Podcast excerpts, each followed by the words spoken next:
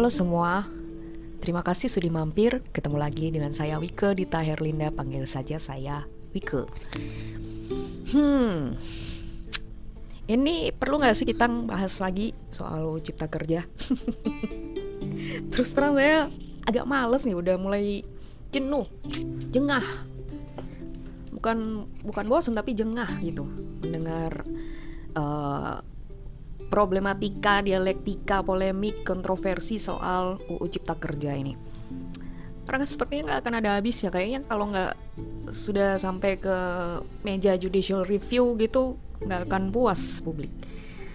Tapi bagaimana ya memang hmm, ini belit yang implikasinya sangat sangat sangat sangat besar menyangkut kita semua dan banyak kepentingan di dalamnya di tengah suasana yang lagi keruh, sebenarnya yang kalau menurut saya pribadi sih sebenarnya yang lebih berbahaya itu bukan pihak yang pro atau pihak yang kontra, tapi pihak-pihak di luar yang pro dan yang kontra itu.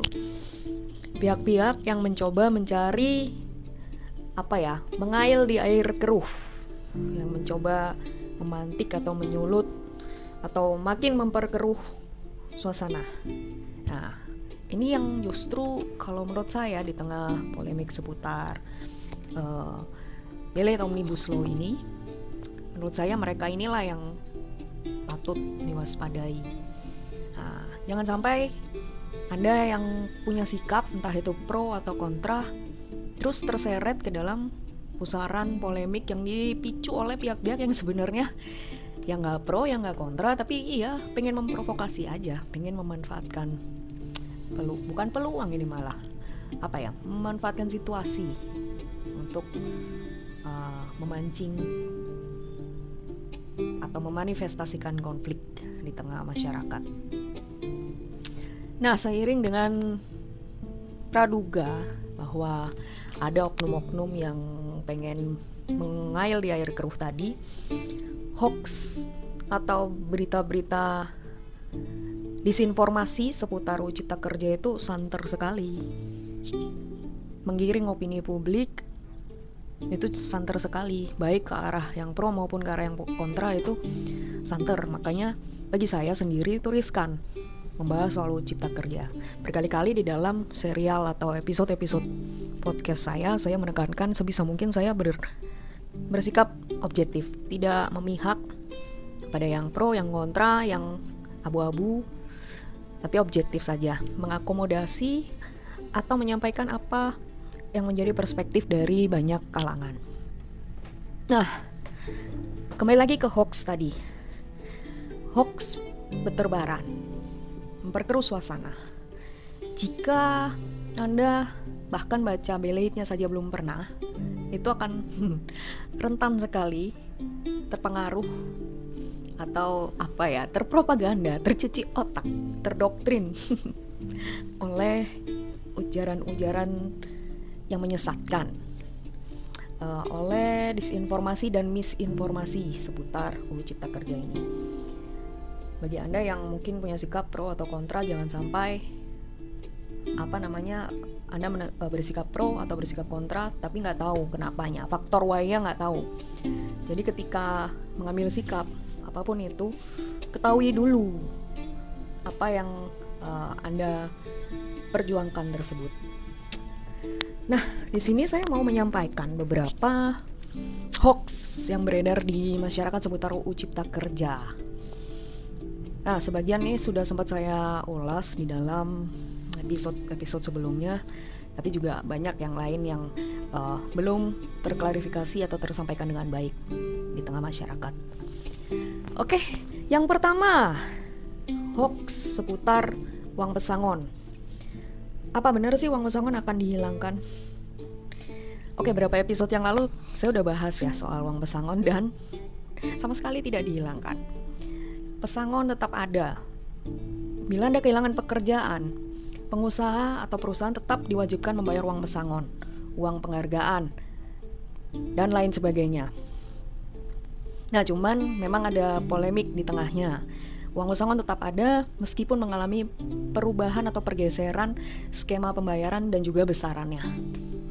Jadi, hoax pertama terjawab ya, uang pesangon tidak dihilangkan. Kedua, benarkah upah minimum provinsi, upah minimum kabupaten kota, upah minimum sektoral uh, provinsi dan kabupaten kota dihapus? Nah, ini yang berhubungan dengan upah minimum. Saya juga heran ini beredarnya dari mana? Gila aja kalau dihapus. Upah minimum itu jaring pengaman sosial.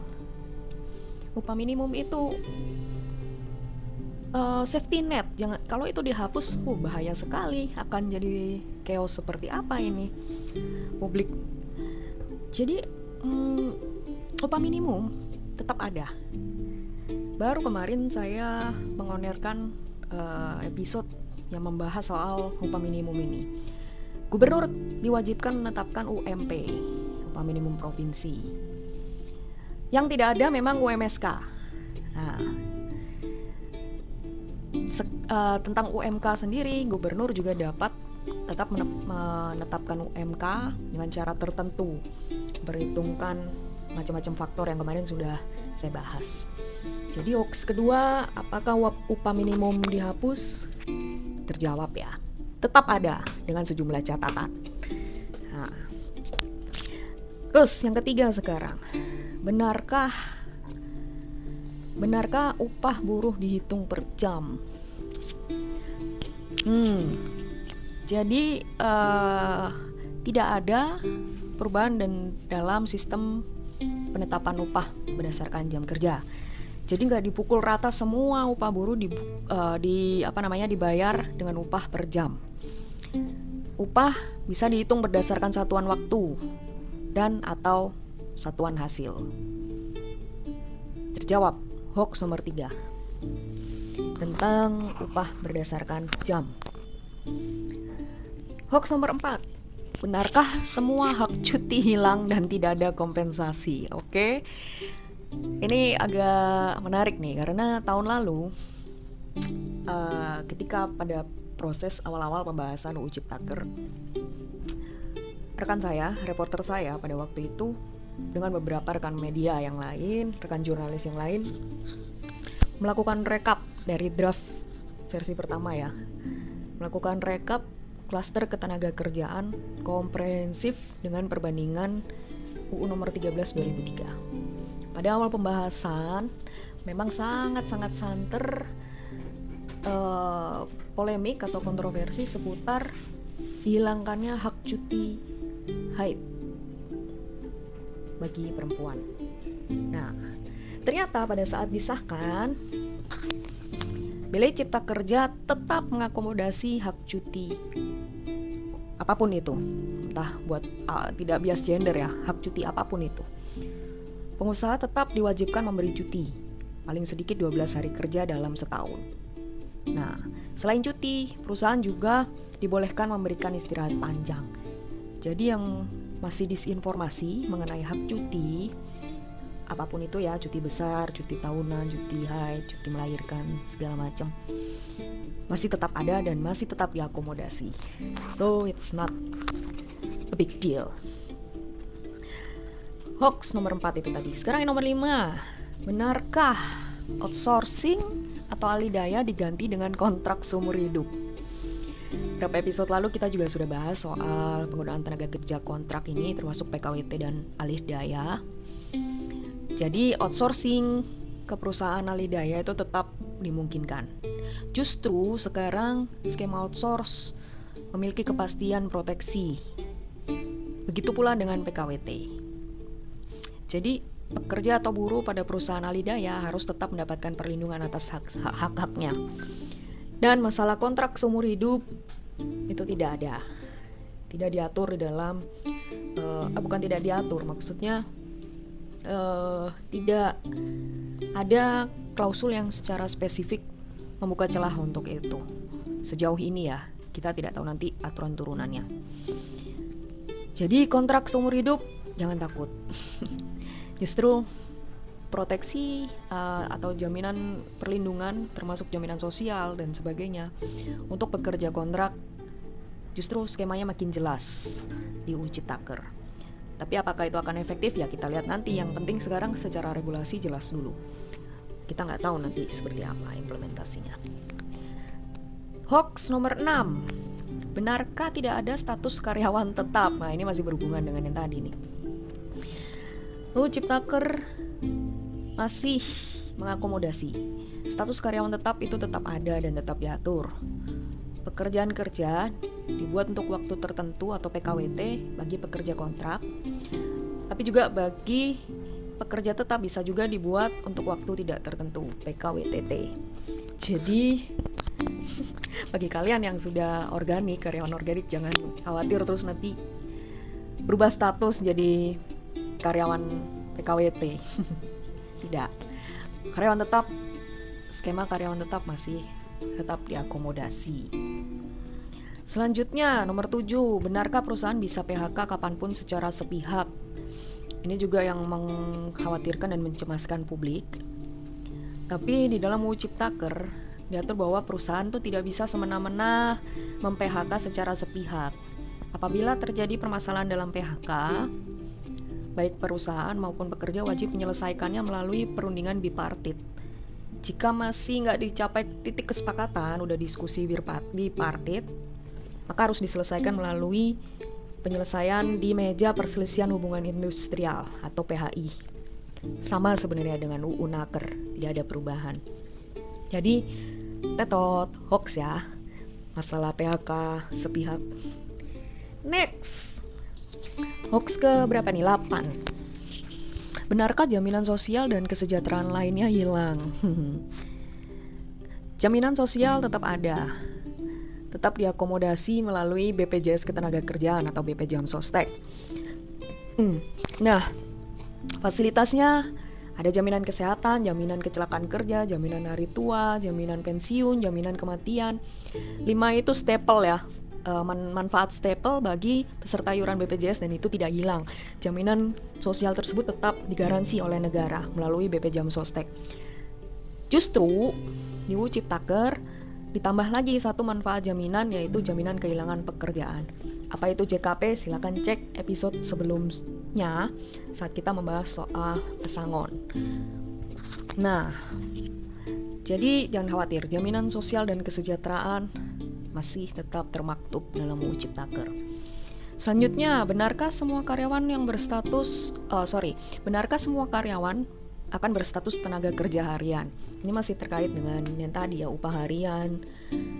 Terus sekarang status tenaga kerja harian pengen banget kayaknya nih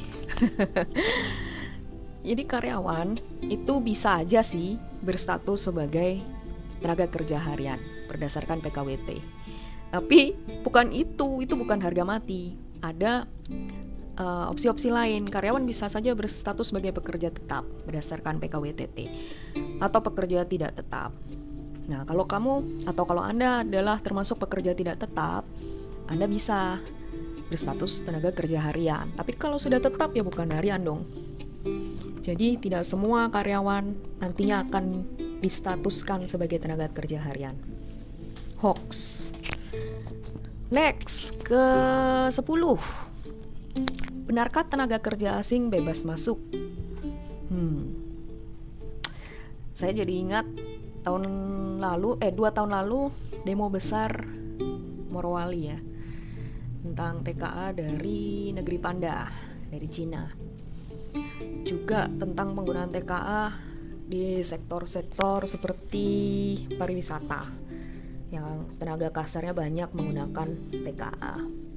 Nah, di dalam UU Ciptaker sekalipun uh, diakomodasi soal kemudahan berbisnis dan investasi, tapi penggunaan TKA justru makin selektif jadi TKA hanya boleh digunakan untuk jabatan tertentu dalam jangka waktu tertentu dan harus memiliki kompetensi tertentu. Jadi nggak boleh sembarangan serabutan, nggak boleh sembarangan warga negara asing kerja di Indonesia. Dia harus punya kompetensi, transfer ilmu, rentang kerjanya juga terbatas, dan juga hanya untuk mengisi posisi tertentu. Nah, terus penggunaan TKA juga wajib wajib uh, memiliki pengesahan RPTKA. Jadi tenaga asing bebas masuk ya masih bebas. Siapa yang larang? Benar kalau bebas masuk ya siapa yang larang? Cuman uh, masalahnya tidak begitu saja bebas di hire, direkrut begitu. Hoax yang ke-11. Benarkah buruh dilarang protes karena ancamannya PHK? Oh, kok ngeri ya? Apalagi model kayak saya ini tukang protes. Rentan di PHK dong, saya takut juga nih. Tapi tidak ada larangan protes bagi pekerja atau buruh di dalam UU Ciptaker. Jadi Cipta Kerja tidak mengatur mengenai pelarangan ini. Jadi kalau Anda di PHK gara-gara protes itu bukan karena UU Ciptaker tapi karena kebijakan perusahaan. Oke. Okay. Uh, eh, yang terakhir hoax. Benarkah libur hari raya hanya pada tanggal merah dan tidak akan ada penambahan cuti? Uh, gini, dalam beberapa hal nih kayak yang tadi tuh uh, buruh protes lalu ancaman PHK sama juga ini libur hari raya cuman pas tanggal merah aja tapi di luar itu nggak ada penambahan cuti. Jadi gini di dalam peraturan ketenaga kerjaan tuh sebenarnya tidak pernah mengatur soal penambahan libur di luar tanggal merah. Itu nggak ada di undang-undang memang dari dulu. Jangan kan di Ciptaker di Unaker juga nggak ada. Tapi peraturan soal cuti bersama itu adanya di kebijakan pemerintah. Entah itu bentuknya SKB menteri atau apa. Tapi bukan di undang-undang intinya itu. Jadi eh, nggak uh, ada memang nggak mengatur soal penambahan libur. Nah kalau ternyata perusahaan tempat anda bekerja mau menambah libur misalnya karena hari kecepit atau apa ya itu kebijakan perusahaan. Begitu. Tapi uh, kalau soal cuti bersamanya sendiri hari besar keagamaan tempatnya di SKB Menteri, bukan di undang-undang. Jadi begitu, beberapa hoax yang beredar di masyarakat dan meresahkan sebagian kalangan masyarakat. Jadi Anda sekali lagi Anda harus paham dulu kalau Anda menentukan sikap, entah itu pro atau kontra, pahami dulu apa yang uh, Anda dukung itu. Seperti apa sih? Kalau memang uh, ada hal yang perlu dikritisi, ya kritisi dengan fair. Kalau ada hal yang patut didukung, ya dukung pula dengan objektif, jangan membabi buta. Seperti itu. Oke, kayaknya udah mulai bosen ya ngomongin wujud taker. Semoga nanti kita uh, saya bisa kembali lagi dengan topik-topik lain yang juga tidak kalah menyegarkan dan hangat. Untuk sekarang sampai di sini dulu dan pesan saya jangan mudah termakan hoax, jangan ikut-ikutan. Cross check, koreksi, konfirmasi, cari yang faktanya seperti apa. Gitu. Baiklah, terima kasih sudah bersama saya. Sampai ketemu lagi di lain kesempatan. Dadah.